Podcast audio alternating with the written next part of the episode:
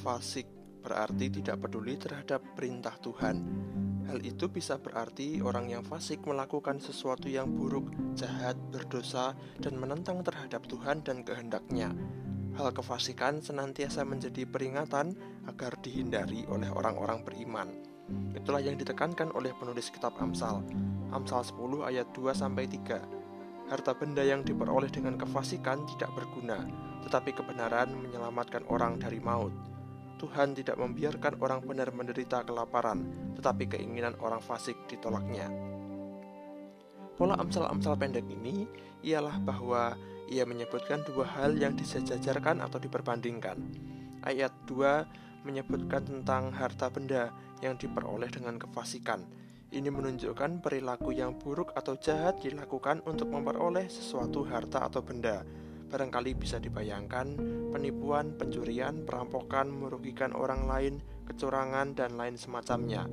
Harta benda yang diperoleh dengan cara kefasikan yang demikian disebut tidak berguna.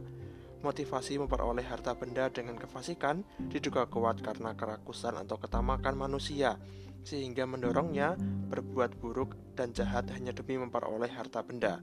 Orang tersebut menghindari cara jujur dan benar dalam memperolehnya harta benda tersebut tidak akan berguna sebab manusia dapat dipenuhi penyesalan atau mendapatkan hukuman akibat dari perbuatannya tadi.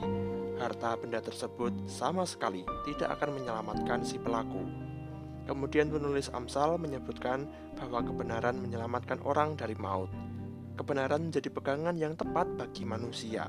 Kebenaran itu diperoleh dari Tuhan berpegang pada perintah serta firman-Nya sehingga kuasa Tuhan turut bekerja dalam kebenaran yang manusia upayakan.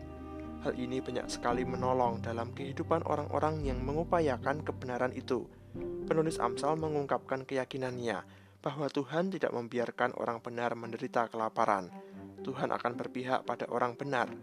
Dalam keadaan terburuk sekalipun, Tuhan pasti memelihara dan menjaga orang-orang benar sehingga tidak celaka dan binasa. Keinginan orang fasik ditolak Tuhan, menunjukkan keaktifan Tuhan dalam mencegah atau membalas perbuatan orang-orang fasik karena perbuatan mereka yang buruk dan jahat. Dari penggalan Amsal pendek ini kita melihat kehidupan manusia yang sudah semestinya berpegang pada kebenaran yang disertai takut akan Tuhan. Dengan berpegang pada kebenaran itu, kehidupan manusia terpelihara karena Tuhan berkarya dan berkuasa atas manusia. Tuhan tidak berkenan dan akan bertindak terhadap segala bentuk kefasikan.